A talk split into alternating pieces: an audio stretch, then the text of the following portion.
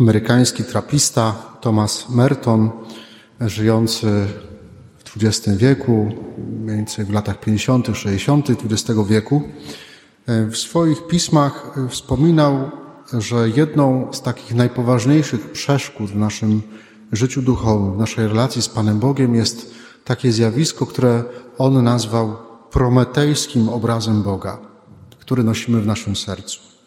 Sama ta, samo to określenie prometejski od razu nas odsyła do e, greckiego mitu o Prometeuszu. Przypomnę, Prometeusz był tym, który według mitów wykradł e, ogień bogom z Olimpu po to, żeby zanieść go do ludzi.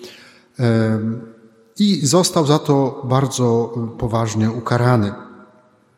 Ten prometejski sposób patrzenia na Boga więc e, ma ma taki obraz Pana Boga, ten prometejski, jest właśnie takiego Boga z tego mitu, który jest gdzieś daleko, na jakiejś wysokiej górze, który jest niedostępny, który właściwie nie chce mieć nic wspólnego e, z człowiekiem, jest temu człowiekowi nieprzychylny, który bardzo zazdrośnie strzeże jakiegoś dobra, które w tym micie symbolizuje ów ogień, który Prometeusz wykrada. I trzeba e, ze strony ludzkiej e, włożyć niezwykle wiele wysiłków w to, żeby po pierwsze tego Boga odnaleźć, żeby się do Niego dostać, żeby wręcz wykraść Mu to dobro, które nam jest potrzebne. To jest, Tomasz Merton pisze, że to jest taki rodzaj przeżywania swojej wiary, w której myślimy właściwie o tym, co ja mam zrobić, żeby tego Pana Boga do siebie przekonać, żeby Go przebłagać, żeby On był mi przychylny, żeby raczył mi tego ognia troszeczkę tej łaski udzielić. Zobaczcie, że właściwie jak popatrzymy, to naprawdę wielu z nas, e, no właśnie w ten sposób wierzy. Jakby zapytać dzieci, co trzeba zrobić, żeby dostać się do nieba, to zaraz będziemy mieli całą wyliczankę, tak? Trzeba być grzecznym, trzeba się modlić, trzeba chodzić do kościoła, przyjmować sakramenty yy, i tak dalej, i tak dalej. Cała ilość tam rzeczy, które są potrzebne do tego, żeby tego Pana Boga jakoś do siebie przekonać. I dalej Merton pisze, że z tego samego sposobu patrzenia na Pana Boga, właśnie kogoś odległego, wynika postawa, która zdaje się być w ogóle jakby z innej parafii, z innego, z innego świata. Mianowicie taka postawa, w której ktoś mówi tak. Jeśli ten Pan Bóg się mną nie interesuje, jest mi nieprzychylny, to po co ja mam się do Niego w ogóle starać, żeby się do Niego dostać? Po co ja mam zabiegać o Jego y, łaskawość? Będę żył po swojemu nie chcę tego Jego ognia. Jak nie chcesz dać, to, to nie chcę tego ognia. Nie będę się starał. Odwrócę się na pięcie i będę żył po swojemu, tak jak ja sobie to wymyśliłem. Wydaje się, że te dwie postawy są jakby rzeczywiście skrajnymi postawami. Ale Merton pisze, że one wypływają właśnie z tego sposobu, tego obrazu Boga, jaki nosimy w naszym sercu. Taki obraz bóstwa, taki prometejski obraz bóstwa, które trzeba przebłagiwać, o którego względy się trzeba starać, jest wspólną intuicją właściwie całej ludzkości.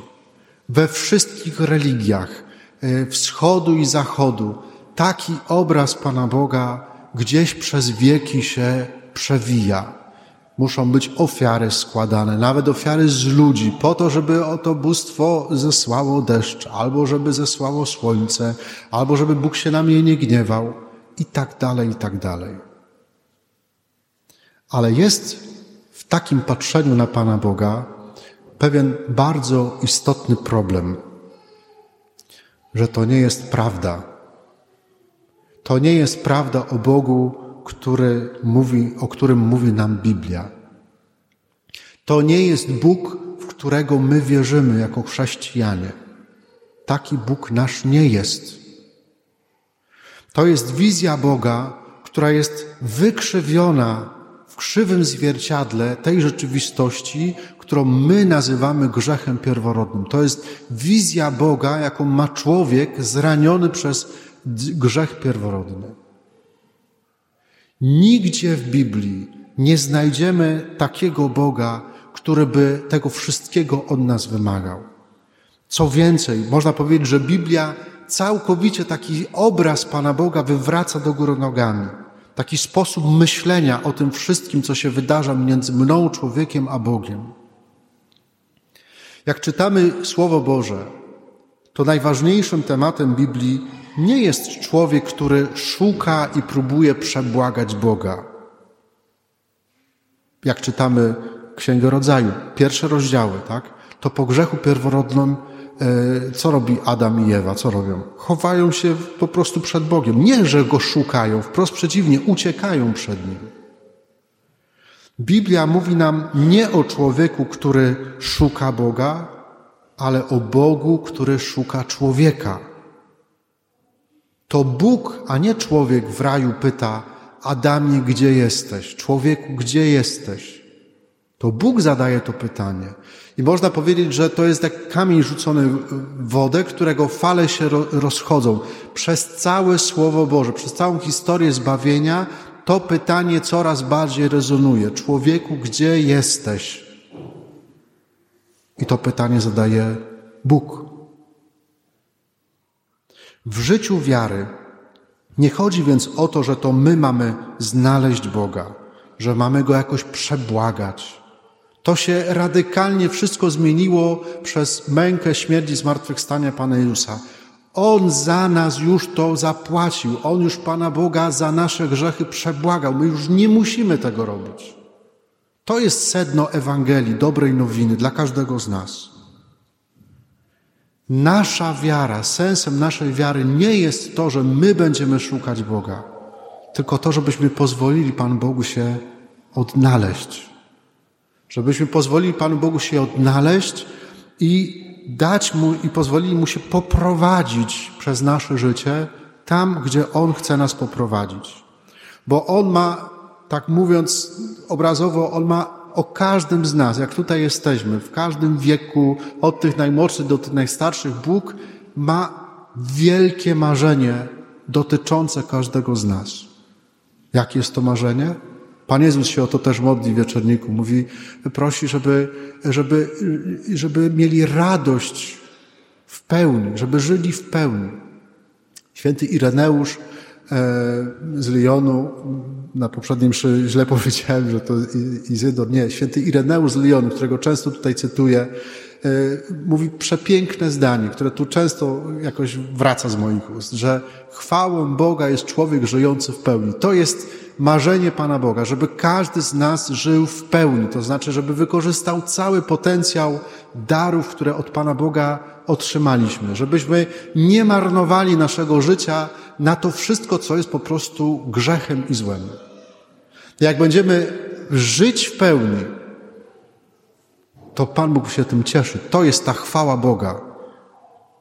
To jest to, co przynosi Bogu największą radość, gdy, kiedy my żyjemy po prostu w pełni, kiedy oddychamy pełną piersią w naszym życiu.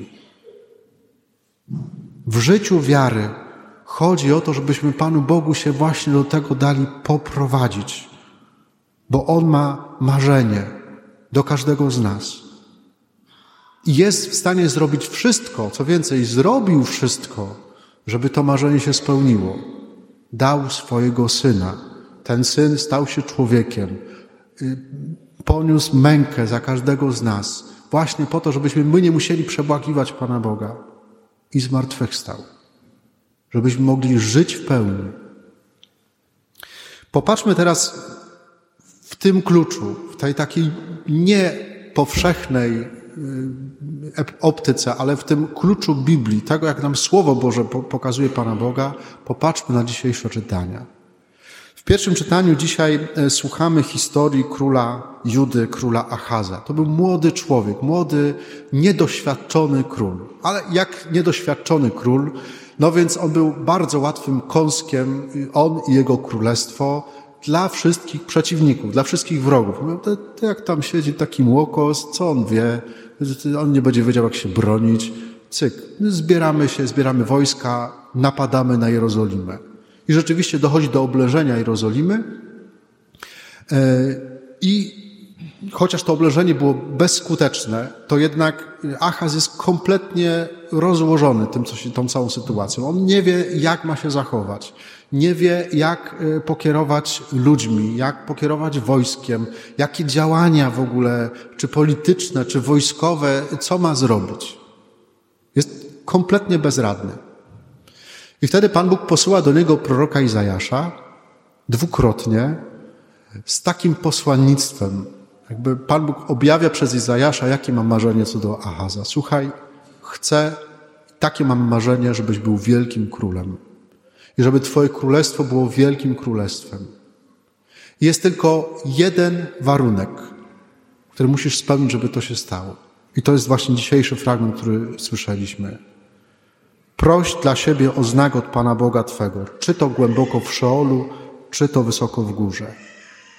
Proś, po prostu poproś mnie o pomoc. W tej Twojej beznadziejnej sytuacji poproś mnie o pomoc. O znak, który będzie widoczny i to jest, oczywiście tu poezja wkracza, od Szeolu, czyli od głębi ziemi, aż, e, aż e, do, po szczyty niebios, tak? Proś Pana Boga, żeby Ci pomógł. Co Ahaz odpowiada? Nie będę prosił. Nie będę wystawiał Pana Boga na próbę. I jak czytamy dalej historię e, Achaza, to po prostu jest postać tragiczna. Przegrywa. Dlatego, że nie dał się pociągnąć temu pragnieniu, temu marzeniu Boga, które miał względem niego. Myślę, że to jest problem nie tylko Achaza, to jest problem naprawdę wielu z nas, wielu osób, wielu wspólnot, wielu parafii, e, naszej parafii. Nie jest problemem to, że Bóg nie chce nam dawać swojej łaski, że nam czegoś zabrania. O wiele większym problemem jest to, że my nie chcemy prosić o to. Dlaczego? Bo się boimy, że jakbyśmy prosili, to by Pan Bóg to spełnił. To by Pan Bóg nas pociągnął w to miejsce, które my tak naprawdę nie chcemy iść. Modlimy się, bądź wola Twoja, ale tak nie bardzo, żeby też moja wola się spełniła. Codziennie tak się modlimy. I to wiele razy. Bądź wola Twoja, ale tak na 90%, tak? Żebyś mnie, żebyś, żebym nie musiał się za bardzo zmieniać, żebym nie musiał nic ze sobą zrobić. To jest, bardzo często zajmujemy tą postawę Ahaza. E, Bóg chce nas poprowadzić tam, dokąd sami nigdy byśmy nie wpadli na pomysł, żeby w ogóle tam pójść jako osoby, jako parafia, jako e, rodzina, jako ojczyzna. Bóg chce nas tam poprowadzić. Zajrzyjmy teraz do dzisiejszej Ewangelii. Mamy Józefa. Jesteśmy w Nazarecie, w domu cieśli Józefa, takton, czyli kogoś, nie, nie takiego sobie cieśli, tak, tylko kogoś, kto budował domy. On był szanowanym człowiekiem, musiał być szanowanym człowiekiem, dlatego że Pismo Święte określa go też sprawiedliwym, więc miał jakiś tam autorytet. Nie był to człowiek stary. To, że my sobie śpiewamy w kolendach, że Józef stary dzieciątko piastuje, to jest tylko jakaś taka kalka kulturowa. Nigdzie w Piśmie Świętym nie mamy takiej sugestii, żeby to był człowiek stary.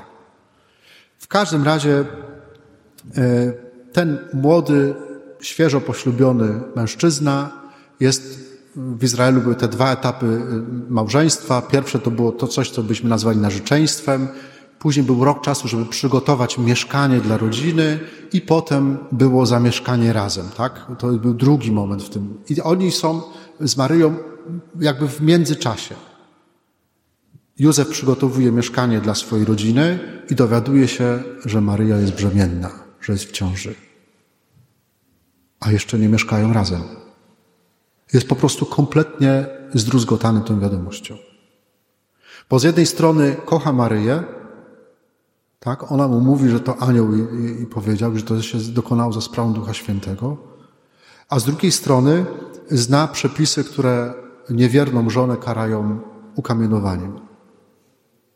Jak ukochać tą żonę, uszanować ją, jak uchronić jej życie, uchronić jej dobre imię. I po ludzku wymyśla rzecz, która nie była zła. Ta jego decyzja nie była czymś złym. On po prostu po ludzku tak wykoncypował, potajemnie ją oddalę. I kiedy powziął decyzję, możemy sobie to wyobrazić, tak, że on się tak przewala z, z boku na bok przez no, pół, północy. W końcu, jak już powziął decyzję, zasypia, przychodzi do niego anioł i mówi, nie bój się wziąć Maryi do siebie, ponieważ z Ducha Świętego jest to, co, y, co się w niej poczęło. Porodzi syna, któremu nadasz imię Jezus, on bowiem zbawi swój lud od jego grzechów. Co robi anioł? Co robi Pan przez, przez anioła? Mówi, słuchaj, względem Ciebie, względem Maryi, względem tego dziecka, ja mam niesamowity plan, który jest daleko szerszy, bardziej rozleglejszy niż Twoje myślenie. Dasz się tam poprowadzić? Ewangelista Mateusz mówi tak. Zbudziwszy się ze snu, Józef uczynił tak, jak mu polecił anioł pański. Wziął swoją małżonkę do siebie. Poszedł za marzeniem, które ma Pan Bóg. Moi drodzy, każdy z nas staje dokładnie w tym momencie, w którym jest Achaz i w którym jest święty Józef. I możemy pójść albo jedną drogą, drogą Achaza, albo możemy pójść drogą Józefa. Myślę, że to dzisiaj nam to słowo jest bardzo potrzebne. Kończy się powoli rok 2022, szalony, zwariowany, pełen napięć, e, z całym doświadczeniem inflacji, tego wszystkiego, o czym już tu też mówiłem, co dla wielu z nas jest niezwykle przytłaczające i odbierające nadzieję. To Pan Bóg dzisiaj przychodzi do nas, mówi: Słuchaj, proś dla siebie o znak. Proś, żebym Ci w tym pomógł bo ja mam dla Ciebie wielkie marzenie względem Ciebie. Mam wielki plan o Twoim życiu. Od każdego z nas zależy teraz, czy pójdziemy drogą Achaza, czy pójdziemy drogą Józefa. Amen.